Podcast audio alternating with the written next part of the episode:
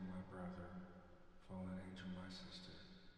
Satan, my father, devil, my brother, fallen angel, my sister.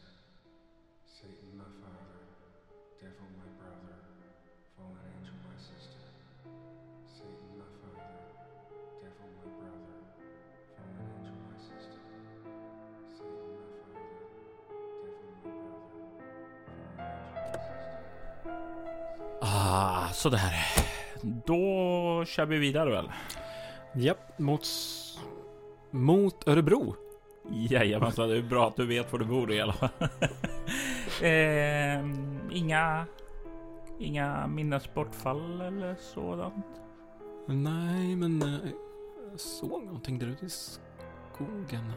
Mm. Några karlar som, jag vet inte vad de höll på med. Grävde i jorden.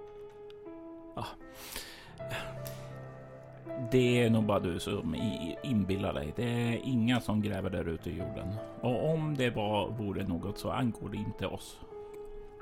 Är du verkligen säker? Absolut. Jag, jag svär. Om jag, jag var där ute och kissade, jag skulle ha sett dem, så oroa dig inte för det. Ja, de gick plötsligt. Eh, Mm. eh, Nåja, eh, i alla fall. Låt oss köra vidare. Ja. Eh, avsnitt 12 var vi väl på? Ja, det var det vi skulle börja på i alla fall. Ja, så. Eh, det heter ju så passande 223. Oh ja. Det här är ju ett nummer som vi har hört ett par gånger, kan man säga. Det här är del 1 av 223. Jajamensan. Eh, och det inleds med en stämningsscen med Emiko. Eh, Emiko blir attackerad i sitt hem. Ja, och det här är... Ja, det finns en riktigt bra... En, en bra sak med den här eh, scenen och det är ju Louise dubb. Alltså, jag älskar hon, hennes replik där när hon säger innan du ligger blödande på ett stenaltare. Där, den repliken, den, den får mig att le. Men eh, det är inte mycket annat jag gillar med den här scenen. Eh, och mycket av det har ju med att jag försöker dubba och göra en röst och den rösten går inte hem alls hos mig. Den känns eh, hemskt tillgjord och ja. Eh, så nej, eh, så här i efterhand känner jag att eh, den skulle jag vilja göra om. Jag skulle vilja göra en George Lucas på den. Eh. Men eh, nej, som sagt var, det som jag tycker är bra är Louise och det här är ju definitivt. Eh, det här är ju en scen då som är hämtad ifrån visioner och fantasier och bygger på händelserna från Karma och som eh, sätter upp eh, scenariot fragment som är akt 2 i Nattljus. Mm. Um, vi börjar med tre olika introduktioner. Um, först Phoenix i sin lägenhet som spelas av Amanda Stenback. Min Kwan som befinner sig på ett motell i Europa spelad av Say Hård. Och slutligen, och slutligen professor Jeremiah Ford i London spelad av Andreas Lundström. Ja, och Amanda Stenback eh, har ju du känt nästan lika länge som jag då, för jag mötte henne första gången när vi spelade in Blod och pussel på förra årets Gothcon. Mm. Eh, Säg hård hade jag ju. Jag, jag, jag hade ju bestämt att eh, Amanda skulle vara med och spela på Gothcon, så jag hade bestämt det. Men eh, jag fick ju börja och spela med sig innan dess, för jag gästade tärningen kastad och spelade in den andra akten i Via Dolorosa och då så träffade jag sig eh, för första gången, så jag träffade henne före. Och Andreas eh, känner jag ju sedan urminnes tider känns det som, men eh, det är väl kanske två år eller något sånt. Tiden eh, kän, det känns som jag känt honom mycket, mycket längre. Eh, men. Ehm, men det är, ju, det är ju som sagt var att eh, de... Amanda hade ju när hon spelade in det här avsnittet spelat sin karaktär i blod och pussel. Vi kommer lite mer till den situationen när vi kommer till blod och pussel avsnittet. Eh, men Andreas och mm, Sei hade inte spelat sina karaktärer tidigare. Andreas hade dubba kvällen innan sin karaktär, men det var typ det. Mm. Um, jag tycker mig höra att det är någonting med ljudkvaliteten i det här avsnittet som inte är helt rätt. Ja, du har ett skarpt öra Gustav. Eh, jag missade att göra en brusreducering på det här avsnittet. Eh, upptäckte det alldeles för sent och jag hade inte tiden att gå tillbaka och eh, köra en brusreducering på det. Eh, jag, jag tror att jag stör mig mycket, mycket mer på det än alla andra. Eh, men jag tror vana, eh, ja, eh, folk som sysslar med podcast själva eller som har väldigt lyssnar med ett väldigt kritiskt öra kommer att höra att det inte är så bra som jag vill att det ska vara. Det är framför allt tyvärr Amandas spår det hörs mest på. Ja, det är tråkigt när man missar sådär, men eh, ja, eh, så blir det ibland tyvärr. Eh, Okej. Okay. I det här avsnittet så får vi ju en introduktion till Ripper. Yes. Eh, genom Min Quan då. Eh, vad kan du berätta mer om honom? Ja, Ripper, vi var ju inne på lite när vi talade om kolonnerna där också. Ripper är ju en person som eh, är tätt inknuten till eh, kolonnerna och deras hemligheter. Han söker efter det och släppa dem fria, att släppa energierna från dem fria. Men han är även en seriemördare. Och han dök upp i äventyret Den fjärde kolonnen. Ett äventyr som Min Kwon var med i. Och händelserna där påverkade ju henne och det har ju fått henne att börja söka efter honom för att stoppa honom. Och det var ju något som drev min framåt. Eh, den här personen som är besatt eh, vid en enda sak. Mm. Um. Och det är ju. Och det är ju det som vad heter det? Också. Och det är ju också någonting som även om det inte är samma sak för professor Ford så är ju ändå någonting som de har gemensamt. Båda är väldigt drivna efter sina mål. Medan kanske då Phoenix inte är det. Okej. Okay. Uh, eh, professor Ford, han säger ju att uh, bara jag kan använda artefakten. Men det stämmer väl inte, eller? Nej, och det här är ju lite grann som att eh, professor Ford ljuger, men det vet inte Andreas det, vi har ju som lyssnare redan hört att eh, det stämmer ju inte. Andrew har ju använt den före eh, professor Ford, men när man ger en sån där roll så kan jag vill inte ge spelarna eh, så här 2000 ark att läsa igenom eh, av karaktären innan. Men det är också någonting som jag kände att det här behöver man inte ingripa och säga någonting för det här är nog en lugg som definitivt Ford skulle säga. Han vill ju inte säga att någon annan kan använda det för det är ju hans artefakt och om de andra tror att de kan använda det då, då kommer de ju kanske ta den ifrån honom och det vill han ju inte. Eh, och så det, det, det blir ju som sagt var när han vaknar upp där och är nere i det här rummet där de alla tre vaknar upp så är det ju det som han direkt börjar söka efter och lägga slag, vilja lägga beslag på, även om han inte hittar det. Ja, eh, avsnittet avslutas ju med en eh, stämningsscen med Miko. Eh, avsnittet avslutas ju med en stämningsscen med Miko splittrad framför en spegel då Lord Price besöker henne. Ja, och eh, här är ju första mötet mellan Emiko och Lord Price då som vi får se eh, i eh, en sån här stämningsscen. Och eh, det här är ju återigen från visioner och fantasier då andra eh, som planterar inför andra akten och det knyter ju an återigen till de här temana. Eh, fördjupar eh, vad som redan är sagt. Den, eh, det är en scen som bara förstärker vad vi har planterat tidigare. Hiroshima eh, till exempel.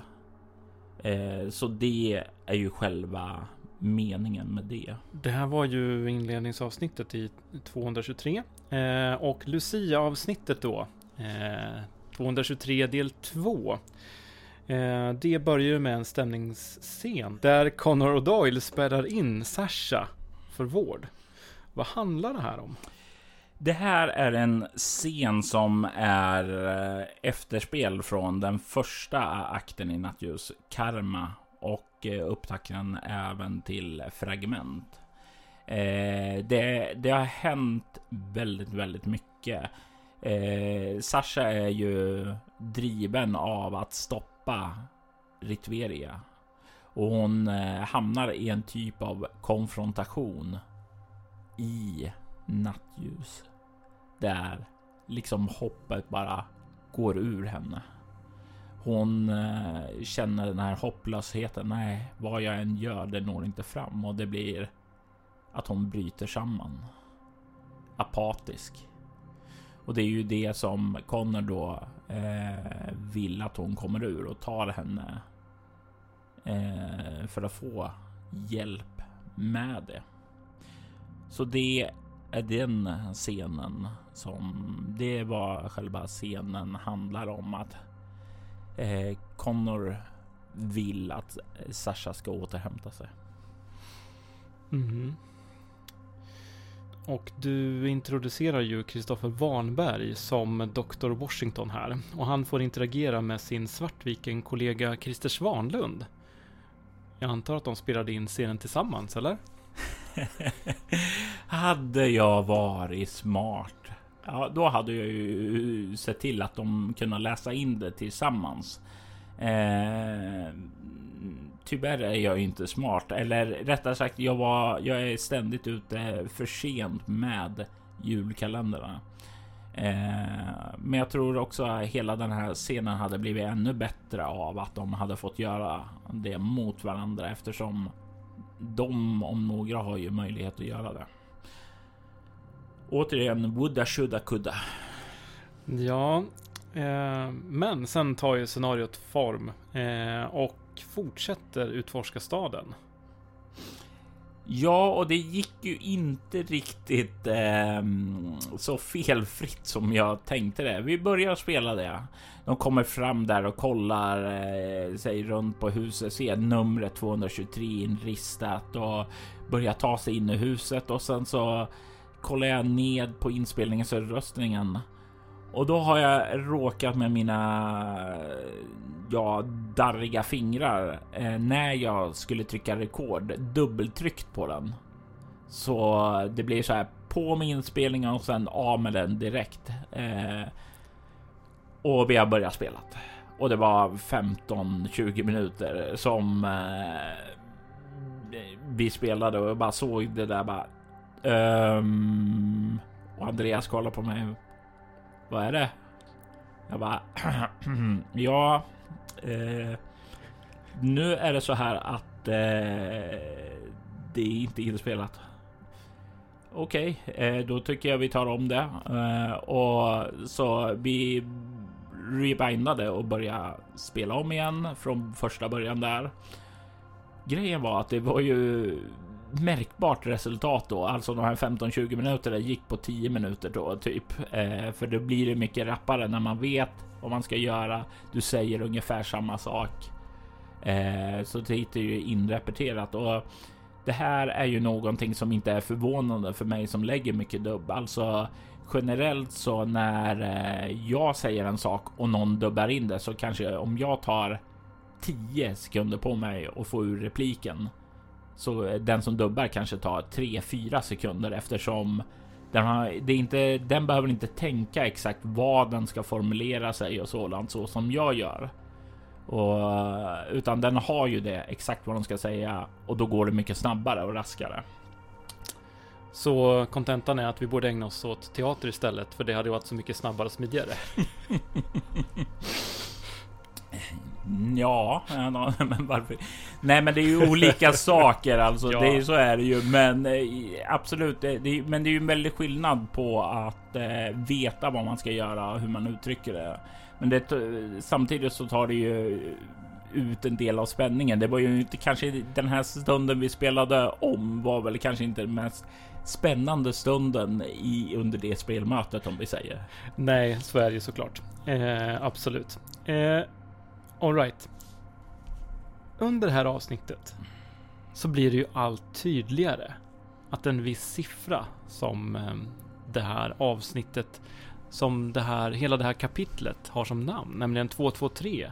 Det blir allt viktigare och eh, det har någon typ av relevans. Ford minns att någonting kopplat till den här eh, siffran, ehm, det har att göra med Ritveria. Medans min minns att många dödsfall var kopplade till 0223 utifrån profilbilden på Ripper. Och vi har fått en lyssnarfråga här från John Hauge Evaldsson. Och han frågar faktiskt om exakt detta. Vad var 223? Och vad var grejen med det? Fråga kan man ju få göra. Eh, men jag kastar över frågan till dig Gustav. Du har ju spelat nu en hel del bortom Leviathan. Du har ju stött på det här. Vad är 223? Du borde ju veta det. Ja, det är ett, eh, en hemlig klubb. Alla vi som spelar mycket bortom eller lyssnar på Roberts poddar. Vi vet att 223 är någonting speciellt. Och ofta sammankopplat med något väldigt hemskt. Eh, två... Jag ska säga som så här. 223 är någonting som eh, är ett större mysterium.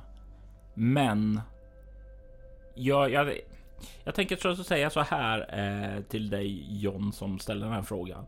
Man kan alltid få fråga om saker, men det är inte nödvändigtvis att man får något svar. Eh, det är. Det är någonting med 223. Det finns. Ja, det finns mer saker som knyter det här. Alltså, det kommer att komma en eh, kampanj eh, här i Soläventyret som heter Tau 223. Så det är inte sista gången ni ser 223. Men jag tänker inte spoila mer om vad det har för betydelse. Men eh, det är ju någonting som jag försöker peta in lite här och var. Även när jag ger eh, till när jag ger illustrationsbeskrivningar till böckerna så brukar jag be eh, illustratörerna peta in och så här Easter egg med 223 som eh, om man kollar riktigt noga så kan man se se dem eh, någonstans i bilden. Och mm, du kan låtsas att du har minst två eller kanske tre i ockultism. Och att du ska göra efterforskning. Gå ut på internet. Sök efter okulta eh, förekomster av det här numret. Vem vet, du kanske hittar någonting. Frågan är vad som händer med dig sen. Men, som en uppmärksam lyssnare så är det ett tillfälle i avsnittet som jag har uppmärksammat ett faktafel om jag inte missminner mig, Robert. Ja, eh, absolut. Eh, skammen är min. Eh, då min minns tillbaka om Ritveria och drar sig minne eh, fängelse och det, att det var en fånge som flydde därifrån så säger jag att fången var Jenny Dannan. Och det är ju helt fel. Eh, det ska vara Sandra Hardy där. Så det är ett sånt här sak som sticker så väldigt mycket i mitt öga. Eh, lyssnarna lär ju inte reagera på det. Det är ju samma person trots allt, eh, så det är klart som korvspad. Men det är sånt här som jag verkligen eh, själa grämjer mig över. Alltså det gör riktigt, riktigt ont när jag missar på det sättet. Det här blir nästan som en ofrivillig pekning åt spelarna. Titta, det var Jenny. Det var Jenny. Ja, ja och du, vi har ju redan etablerat vad jag tycker om pekningar. Japp. Eh, men du fick även med en blinkning med Daemos cigarettpaket i vardagsrummet. Ja, och det här är ju det här är ju någonting som jag gillar. Eh, göra blinkningar till något annat där. Och eh, det hade kunnat gå att göra mer med om någon hade satt igång och börjat försöka röka det. Då hade jag kunnat leka lös lite med det och dra in Darcy där igen. Men det var inte riktigt tid för det. Det blev ingenting gjort med det. Så då blev det bara en blinkning. Men eh, det hade kunnat bli mer också. Mm. Um, så tänk på det. Så fort som det finns någonting som verkar dumt och farligt, kasta genast över det. så. eh, vad vad skulle du säga om eh, dynamiken mellan eh, karaktärerna i den här eh, delen av scenariot? Mm, eh, vi var ju lite inne på det här att både Ford och Min Eh, hade en väldigt stark drivkraft, att nästan en besatthet kring någonting. Eh, vid det här tiden i livet så var ju Phoenix ganska ung och oförstörd. Så hen eh, var inte besatt med något och det här var ju någonting som visade ganska eh, tydligt då att eh, det blev ganska snabbt att Min och eh, Ford bondade med varandra. Eh, och ja, det blev nästan så här lite nedlåtande och mobbar attityder mot stackars eh, Phoenix där. Ehm, och eh, det... Ja, vad ska man säga om det? Det, det var väl lite grann. Jag, eh, jag sa det inte så här till eh, Say och Andreas. Ni måste mobba eh, Phoenix, utan eh, vad jag hade spessat i deras bakgrund då var ju att Ja, men du kommer känna god eh, positiv känsla av den här personen, för den eh, resonerar väldigt väl med dig. Ni är samma skrot och korn. Sedan att de valde då att eh, mobba Phoenix, det får stå för dem. Mm. Eller ja, eh, när jag tänker efter där, alltså lite mitt fel är det ju faktiskt också, men då hade de faktiskt redan börjat och mobba Phoenix där. Men eh, det blir ju så här att eh, både professor Ford och Min hittar såna här chip i sig där. Eh, men det är inte så att Phoenix har något. Och det är ju kort och gott eh, eftersom de befinner sig i en dröm så är det ju mer representationer då av deras besatthet, att de har ett band med varandra. Avsnittet avslutas med en stämningsscen i slutet som fokuserar på en Sasha som hålls fängslad av Lord Price. Ja, och här har vi många eh, saker som eh, knyter an till det tidigare appl applicerade. Vi har eh, så det knyter tillbaka till den här stämningsscenen i Marseille. Vi har den här eh, stäm... Ja, vi, vi har den här scenerna med Peter och Brensik som nämns eh, och eh, det här är ju också en händelse som formar Sasha eh, inför vad som komma skall för henne. Eh, sista delen av den här stämningsscenen är inte hämtad från eh, texten utan är specialskriven då för podden för i själva scenariot blir det tydligare när man spelar det vad det här egentligen handlar om. Men i podden så behövde det förtydligas ytterligare. Men Det här är den sista scenen vi ser med Lord Elam Price, åtminstone för den här gången. Ja, och innan vi lämnar honom så har, Jer så har Jerry Svanberg en fråga. Vad Mm. var Lord Elam Price roll?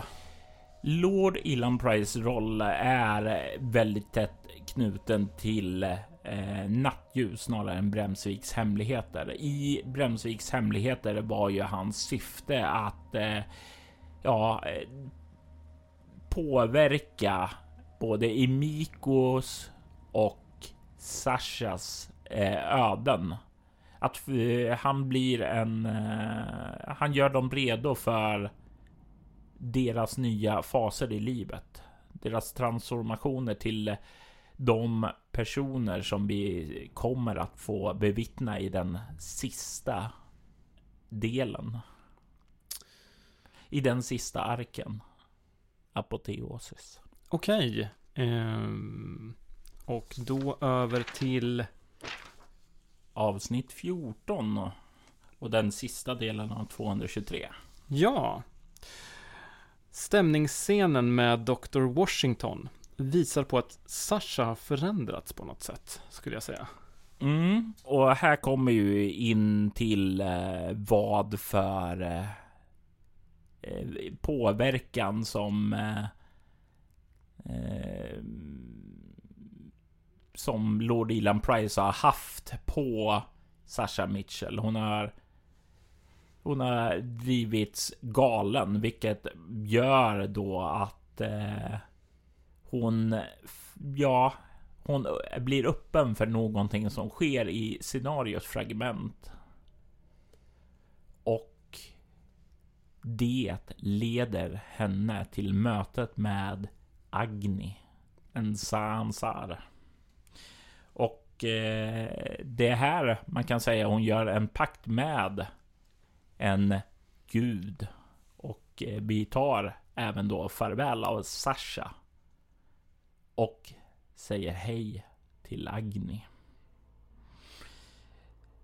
Hennes brinnande passion för hämnden släcker i hennes identitet och hon överlämnar sig till Agni för hon är inte längre förmögen att ta de sista stegen för att kräva hämnd.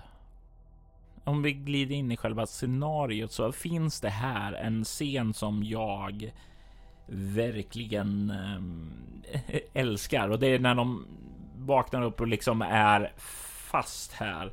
Vi ser hur Ford och Min är fängslade, men Phoenix är lös och sätter igång och spelar det här eh, kassettbandspelaren och får veta att eh, ja, eh, antingen så dödar du de här två eller så eh, dör du. Valet är ditt. Och jag tycker det är så fantastisk kemi här mellan de alla tre. Alltså, vi har eh, både Ford och minst lugna och ja, arroganta, nedlåtande attityd. Och Phoenix blir allt mer upprörd och eh, hon liksom nästan drivs. Eh, jag drivs till eh, att eh, faktiskt ta eh, ta livet av dem. Eh, och det är visst, tang, det hade det här varit först, då hade det kanske varit lite mer chockartat att de dog där. Men som lyssnare kanske man vet att det är en dröm nu, men jag hoppas ändå just att Phoenix eh, mord på dem ändå skapar en viss känsla hos lyssnaren. Ja, jag tycker att det var en väldigt, ehm, en väldigt stark scen och hela det här hur Ford och Min har hackat på Phoenix hela tiden och hen har varit liksom inte sagt ifrån så mycket och ändå liksom ja, gillat läget och, och kört på och ändå hängt på. Och hur de även i den här stunden är så nedlåtande. Jag tycker det är så befriande när hen äntligen har ihjäl dem. Det är, ja, det är verkligen en power surge där från, från Phoenix när eh, eh, hen får, får sin hämnd. Även om det också är den här underliggande gnagande känslan av manipulation. Och hur länge har egentligen den här manipulationen pågått? Startade den verkligen i det här rummet eller har den pågått längre? Ja, det är ju, det är ju, det hela den här scenen är ju Fantastiskt på många sätt. Det är ju liksom en sån här fun fact är ju att det här är bara första gången som Sei har dött i rollspel och eh, Amanda som är eh, hens partner då eh, har ihjäl eh, karaktären. Det tycker jag är fantastiskt då. Eh, men och jag, är ju, jag kan ju inte låta bli då efter att mordet skett att eh, det måste ju strö salt i såren också när den öppnar upp dörren, kommer in där och säger bara nej, du skulle inte ha gjort det där och du bara ser då hur eh, Phoenix bara bryter ihop. Det, det, det är det är alltså det är hjärtskärande vackert. Alltså, det är känslor i dess renaste form tycker jag på något sätt så tror jag också att eh, där bryts liksom den här eh, hämndkänslan, det här uppeldade som har varit och Phoenix på något sätt inser vad hen har gjort. Eh, och det som hen egentligen känner att jag borde inte ha gjort det kommer från utsidan också. Det blir så, så starkt för, för henne. Mm. Och det är ju det här, det är in the heat of the moment, alltså när i stunden där så tänker du att du går bara på känslorna och sen så kommer det in efteråt. Alltså det, det, det är kraftfull emotionell skit det här och mm, det, jag älskar hur Amanda gestaltar det. Ja, eh, men eh, när hen har mördat Ford och Min så möter hen ju eh, Ripper. Ja, precis när hon tar sig upp och börjar försöka röra sig ut och fly. Mm. Ja, exakt. Eh, men vad hade hänt om Min hade mött honom istället? Det, alltså... Jag vet inte ärligt talat. Det är så många olika situationer eh, som kunnat uppstått. Hur hade eh, Seir reagerat? Hade hen varit väldigt eh, på och konfrontativt eller hade hon försökt eh, eh kommunicera liksom det finns så många olika vägar och stigar det kunde gå så ja, det var inte någonting som jag kunde planera för utan det är ju någonting som jag hade fått improvisera utifrån. Och det hade kunnat bli allt eh, till att eh, Ripper hade bara slitit med dem eh, in dit som de gjorde i princip med Phoenix eller bara dödat dem Eh, eller så hade det kunnat få massor mer eh, fakta om vad egentligen som drev Ripper. Mm. Du får helt enkelt spelleda den här kampanjen eller det här scenariot några gånger fler för några andra och se vad det finns för fler möjligheter. Jag har faktiskt eh, arrangerat eh, det här på Gothcon så jag har ju spelat det flera gånger eh, tidigare, men inte just med min fond då. Ah, okej, okay, okej.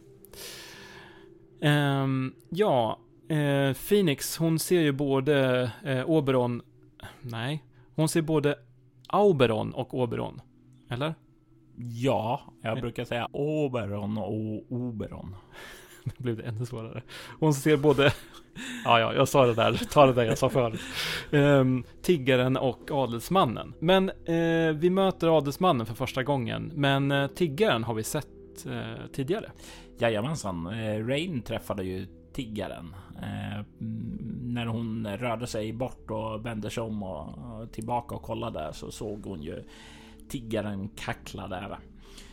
Och eh, ja, vi, vi ska tala lite mer om dem sedan eh, när vi kommer till avsnitt nästa avsnitt domen då. Men eh, det, de här är ansvariga för alla de här konstiga drömmarna mer eller mindre. Mm. Eh, I slutet så får vi ju stämningsscener med Ford, Min samt Phoenix. Återigen. Jag hade ju en manus där som eh, var liksom framlagd på hur det skulle vara och de dubbade lite där, men så var de också väldigt på att spela ut det så att de. Eh, jag tror mycket av scenen spelades ut där och det var just det här sista när de telefonsamtal och så gjorde som det var skriptat. Eh, men eh, Amandas scen med eh, Phoenix och den här twisten att eh, händelserna här i drömmen har förändrat henne. Hon har blivit besatt av eh, de här drömvarelserna. Eh, har skapat den här besattheten som både min och professor Ford hade. Ytterligare ett annat uttryck, men samma typ av besatthet. Eh, måste finnas sätt att stoppa det. Och det är ju det vi får se i slutet, att eh, den en gång oskuldsfulla Phoenix nu har börjat blivit lika galen som de två andra som avrättade där i drömmen. Och det är ju lite grann, det var i det ögonblicket som eh, den här händelsen skedde, det som drev henne galen. Och återigen, precis som med Jörgen så hade ju Amanda redan spelat eh, Phoenix tidigare. Och då var Phoenix besatt av eh, de här drömvarelserna och ville stoppa dem till varje pris. Hon, hon visste ju att eh, hennes karaktär var så. Ehm, men eh, här så spelar hon den oskuldsfulla. Men varje gång hon fick skräcknivåer och sådant så började hon bygga upp det mot galenskapen för att plantera den eh, transformation som skulle genomgå. Och, och återigen, det var inget jag behövde säga till eh, Amanda, utan hon gjorde det extremt naturligt där. Mm. Och där lämnar vi 223. För att bege oss till ett mycket intressant avsnitt. Avsnitt 15. Domen. Ja.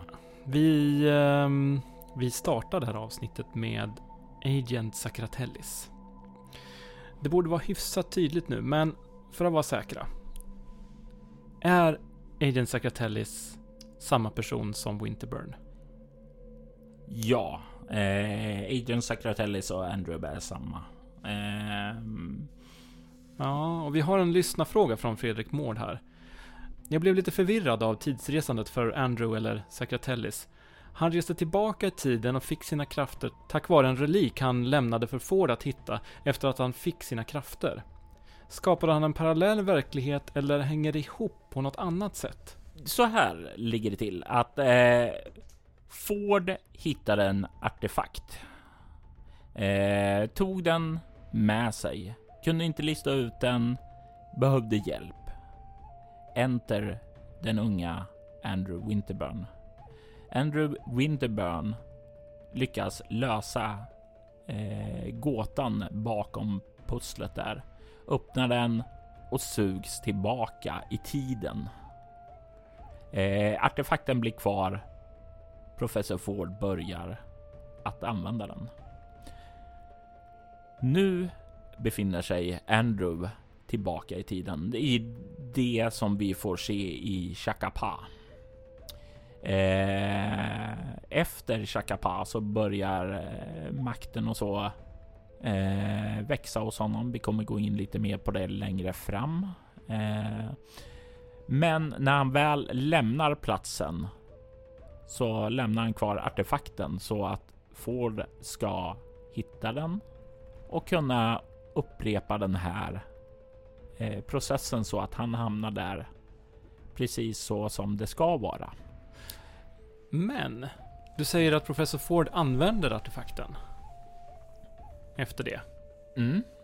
Vad har den för egenskaper? De egenskaper som professor Ford kan använda ur den här artefakten är att eh, tekniskt sett förstöra andra personers själar. Han tror att han använder dem genom att eh, ja, förinta personer. Men det är ju bara han egentligen gör är att sudda ut deras själar från existensen, frigöra dem. Och det lämnar kvar människorna utan en själ. Och utan en själ så blir en människa i bortom något som kallas för arkani. Eh, vi har stött på arkani tidigare i syndaslukaren.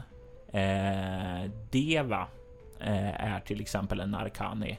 Folk kan inte minnas henne och eh, Aurora gjorde sig själv till en arkani i epilogen eh, när hon tog i Miasmas drömartefakt och förintade sin egen själ. Mm. Eh, så det är vad eh, professor Ford gör. Han förstår inte riktigt vad han gör. Han gör en sak. Han tror han gör en sak, men den gör någonting annat och det är mycket för att han inte har den fulla förståelsen som Andrew får under den här tiden tillbaka i tiden. Mm. Och nej, det blir ingen parallell verklighet, utan när eh, Andrew är tillbaka i tiden så lever han genom århundradena fram till nutid. Eh, så det går ju väldigt lång tid och han använder den tiden till att bli kraftfullare. Människor, psykonauter som han nu är, de åldras först väldigt sakta och sen inte alls. Så det är därför han lever igenom alla de här åren. Så det hoppas jag är svar nog eh, till dig Fredrik.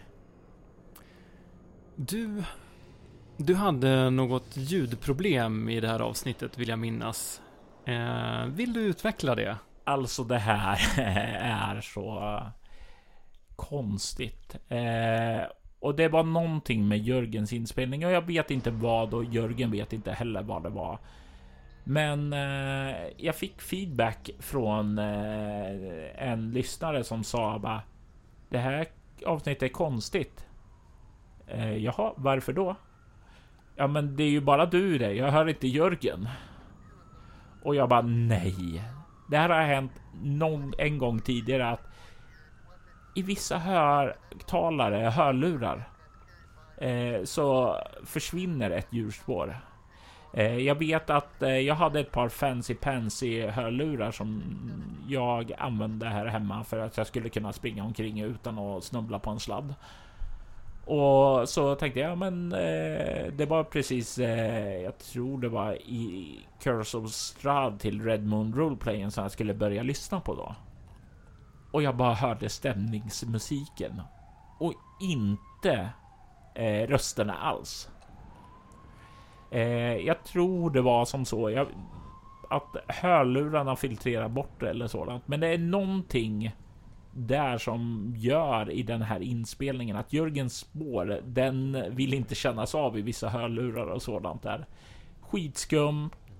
Och jag vet, jag vet ärligt talat inte vad det beror på eller hur det åtgärdas.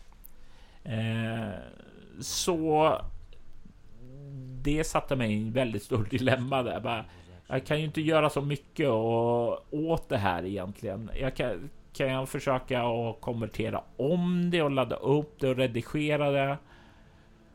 Och till slut bara nej, eh, det, det, får vara så här. Alltså det är, det är jättesynd för det är ett eh, avsnitt som ger information mer om eh, Ripper och kolonnerna och allting sådant där. Men eh, jag, jag kan inte göra så mycket åt det. Jag vet inte ärligt talat vad. Jag är inte level nog för att fixa problemet där. Eh, men det var när jag redigerade någonting som var konstigt, för jag kunde inte lägga på sådana här eko på eh, Jörgens röst då inne i kyrkan till exempel. Så jag borde ju känt av att det var någonting där, men... Så helt enkelt, kontentan av det hela. Är du ljudtekniker, kan mycket om eh, Reaper och vet vilket eh, jumbo-misstag Robert har åkat ut för. Hör av er! Spelar bort dem på Twitter. Ja, eller info at bortom.nu. Eh, det skulle vara roligt att veta vad som hände där, för eh, vet man vad som händer så kan man mm, ja, eh, se till att det inte händer igen. Ja, men vi andra, lyckligt lottade som kunde höra vad som sades i avsnittet, vi ser att Sakratelli har kopplingar till Bremsvik sedan tidigare, då han eh, minns händelserna till 1899 och 1999. Fanns det tankar att spela ut dem med Jörgen? Ja, det fanns det. Eh, absolut. Eh, det var ju en sån där händelse som eh, jag kände att eh, ett tag att det här kommer vara ett eget avsnitt. Eh, och Jörgen skulle ju säkerligen varit på på det, men ganska snabbt insåg jag att oops, eh, det finns inte plats av det. Eh, jag kan inte motivera eh, att lägga in det. Alltså, det tillför inte tillräckligt mycket nytt, utan det har figurerat lite där tidigare i Offer och Daemos. Jordi la Merkel till den här händelsen och den refereras tillbaka här också. Och jag, jag fick nöja mig med det. Mm. Um, och i kyrkan så ser vi hur eh, Agent Sakatellis möter Ja, det, vi har en här AU-Beron och en O-Beron. Eh, eh. Oberon och Oberon. Ja, samt deras fånge Ripper. Eh, eh, vi får även veta lite mer. Som att han är bastard till Bastard. Vas bastard. Som att till. han är bas som att han är bastard till Vasco de Gama. Jajamensan, och det fanns så mycket mer. Jag satt här och skrev en lång berättelse utifall att eh, Jörgen skulle gå in på andra typer av frågor. Men eh, Agent Sacratellis var mer pang på rödbetan. Eh, och det var ju någonting just med det här lyser igenom den här arrogansen eh, när han kommer in och ställer sig emot där och säger bara Jaha, vem är du? Vilka är ni? Ja, men eh, ah, behöver jag välja? Jag kan ju bara döda alla här. Alltså just det här eh, attityden hos Sakratelli bara dryper av eh, den här avsmaken. Det här är inte värdigt honom överhuvudtaget. Där det, det satte väldigt bra karaktärsgrej. Eh, men eh, jag, jag, har, jag har ju en liten... Eh, i, jag har ju en berättelse om de här kolonnerna i åtanke och då, då kanske ni får veta mer om vem Ripper egentligen är eh, än det som kom framkommer i det här avsnittet. Det är ju överlag ganska svårt att få veta så mycket om Ripper eftersom att han är enormt dödlig. Eh, anywho. Eh, Andrew, han väljer ju att frikänna den eh, gode, eh, likasinnade eh, Ripper. Eh, var det alltid tanken? Eller hade... Alltså... Var det alltid tanken att Jörgen skulle frikänna Ripper? Eller hade Jörgen en sann fri vilja här? Eh, nej, så här var det. Jörgen hade frivilliga och jag hade tur. Eh, så här var det. Tanken var ursprungligen att Anna-Karin Lindner skulle spela Sasha Mitchell i det här avsnittet. Eh, det skulle vara efter att Agni hade tagit över och hon var som en fånge i kroppen och bara kunde bevittna allting. Det här skulle vara hennes, eh, ja, hon skulle dras in i den här drömmen och få göra ett val. Det val som Jörgen gjorde för Chakratellis här. Nu blev det som så att eh, av timing issues så kunde det inte spelas in. Tiden fanns inte. Eh, Jörgen var eh, tillgänglig och det var den enda, enda andra personen som kändes rimlig att dra in här för att göra ett sånt här val. Eh, Agent Sacratellis eh, var på många sätt en stor, ja vad ska man säga, en sån här power player då, ganska mycket och det kändes rimligt att han skulle axla det här valet då. Eh, så när han då spelade det här så hade jag ju då redan hunnit spela in ett avsnitt med Anna Erlandsson som spelade Dahlia White. Och som vi kommer se där så kommer Ripper att dyka upp där. Och jag satt då i dilemmat att hur mycket ska jag styra och sätta fast här? Så jag fick hålla lite lös där. Eh, samtidigt som jag inte ville säga åt Jörgen, det var, ja men du måste göra så här eh, för att det ska funka. Eh, så jag satt som på nålar när han kom och skulle göra valet. Att hoppas han gör rätt, hoppas han gör rätt. Eh, hur fan ska jag lösa det här om han gör något? Eh, han ger mig en riktig kurvboll här, men jag hade tur. Eh, han eh, gjorde ett val som var ganska enkelt att arbeta med. Kanske var det undermedvetet som jag styrde honom mot ett håll, men jag försöker inte säga att du måste göra så här. Och när då Jörgen gör det rätta, rätta inom eh, hartassar då, eh, valet där så då, då kan, kan jag ju eftersom jag spelat in avsnittet med Anna Erlandsson också plantera då hur han hamnade där. Så det även om det var en stor vånda över eh, hur det kunde ha gått så blev det egentligen ganska enkelt att eh, använda det här avsnittet för att plantera varför han dyker upp i hennes sedan. Varför Ripper dyker upp i Dalias avsnitt senare. Sen får vi ju återse Nate Traveller och In the Dark där Nate summerar akt 1 av Brensvik-storyn. Ja, och jag gillar, jag gillar de här eh, sektionerna med eh, Nate Traveller. Inte bara för att jag nickar själv som det, eh, men eh, utan för att eh, det är fantastiskt roligt att göra metakommentera eh, storyn i ett eh, in-world perspektiv. Eh, och det skadar ju inte heller då att det görs av det, den eh, fantastisk röst. Att det görs med en fantastisk röst som Craig har. Eh, det, det känns. Eh, det känns också som en bra poäng och det känns också som en bra sätt att fånga upp lite, summera lite. Det här hände. Det här var de här tre drömmarna. Det här bygger till någonting också. Så det är eh, lite därför som jag stoppar in dem och jag tycker Craig gör ett fantastiskt jobb med dem. Ja, verkligen. Ehm, det är som man suger i sig lite grann av det där. Sen får vi ytterligare en scen med Jenny Dedannan där hon befinner sig ombord på en buss. Julmyset hos busspassagerarna ja. Eh, och det, jag ville ha någonting så här väldigt eh, alldagligt visa på julstämningar men även visa att hur avskild Jenny var ifrån dem.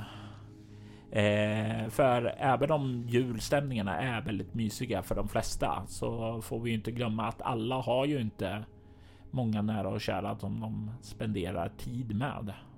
Alla, för alla är det inte en bra period.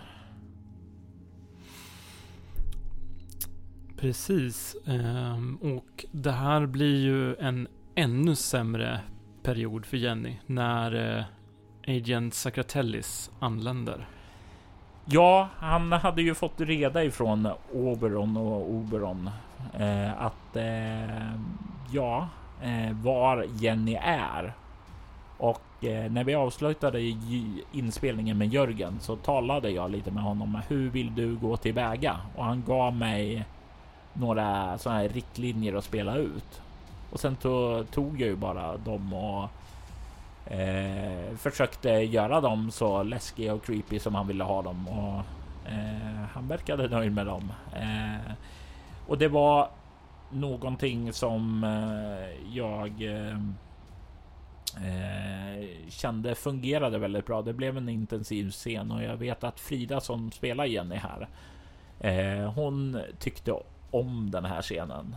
Eh, och eh, hon lyckades också helt överraska mig. För vad är det någonting som... Eh, han är ju inte rädd för henne överhuvudtaget. Det finns ingenting som hon kan göra mot honom.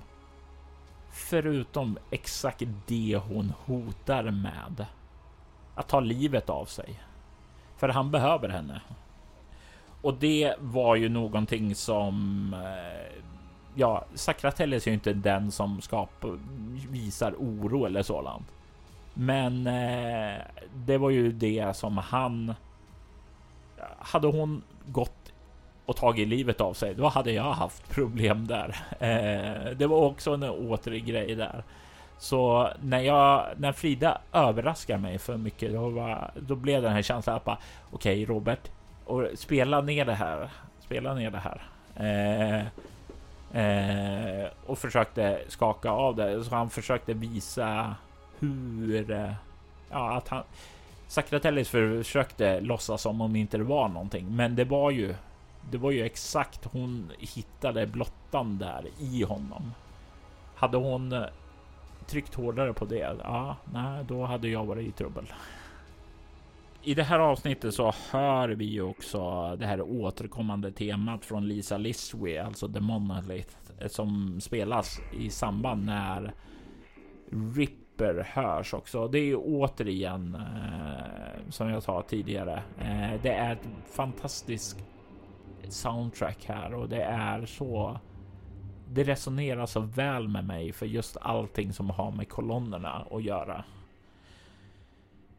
Eh, ja, jag, jag, ser också att vi har en lyssnarfråga från Jerry.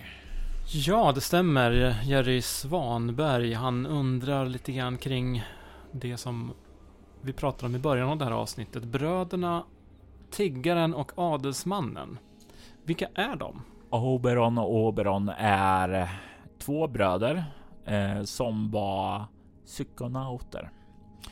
Eh, de levde i vår värld och eh, strävade efter eh, ja, efter insikter i det övernaturliga. Deras psykonautiska krafter rörde drömmarna och de började snart fokusera mer på dem Började känna att ja, nej men det här, det, det här världen, den fysiska världen är meningslös. Och de försakade sina kroppar för att ta sig in i drömmarna. Permanent bosätta sig där. De blev något som kallas för drömlorder. Det är alltså psykonauter som har väldigt stor kraft över drömmarna. Och eh, ja, om man ska säga det på ett enkelt sätt så kan man väl kalla dem mer eller mindre drömgudar. De är väldigt kraftfulla där. Och de, det är ju alla de här drömmarna som eh, sker, alltså 221 offer och Daemos är ju för att bröderna befinner sig i en konflikt med varandra. De har sett att eh, den här mannen, Ripper, är antingen en fara för människorna eller en frälsare för dem. De kan inte komma överens om det. Så hur gör man en eh, överenskommelse? Eller hur bestämmer man sig då? Jo, som alla civiliserade personer så spelar man ju spel om det. Eh, man eh, etablerar eh, vad heter det, en konflikt i drömmarna. Jag står för sida X och du står för sida Y. Om eh, drömmarna som bidrar in här i drömmen väljer sida Y, ja, men då får du en röst eh, och om de väljer X får du eh, en röst för dem. Och den som har flest, den som har störst majoritet, den som har majoritet när drömmarna är över och året har gått, eh, den vinner.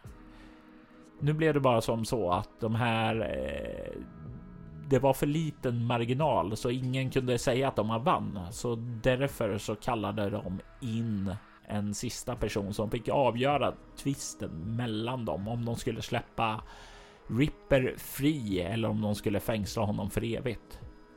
Och det är var, varför eh, alla de här drömmarna sker. Det är ett spel mellan dem om Rippers öde. Och varför det blir just Bremsvik. det är ingenting som de har eh, bestämt utan det är eftersom de använder drömmarna och som vi har talat om tidigare så är drömmarna lite grann en levande organism. Den eh, varnar folk om framtiden.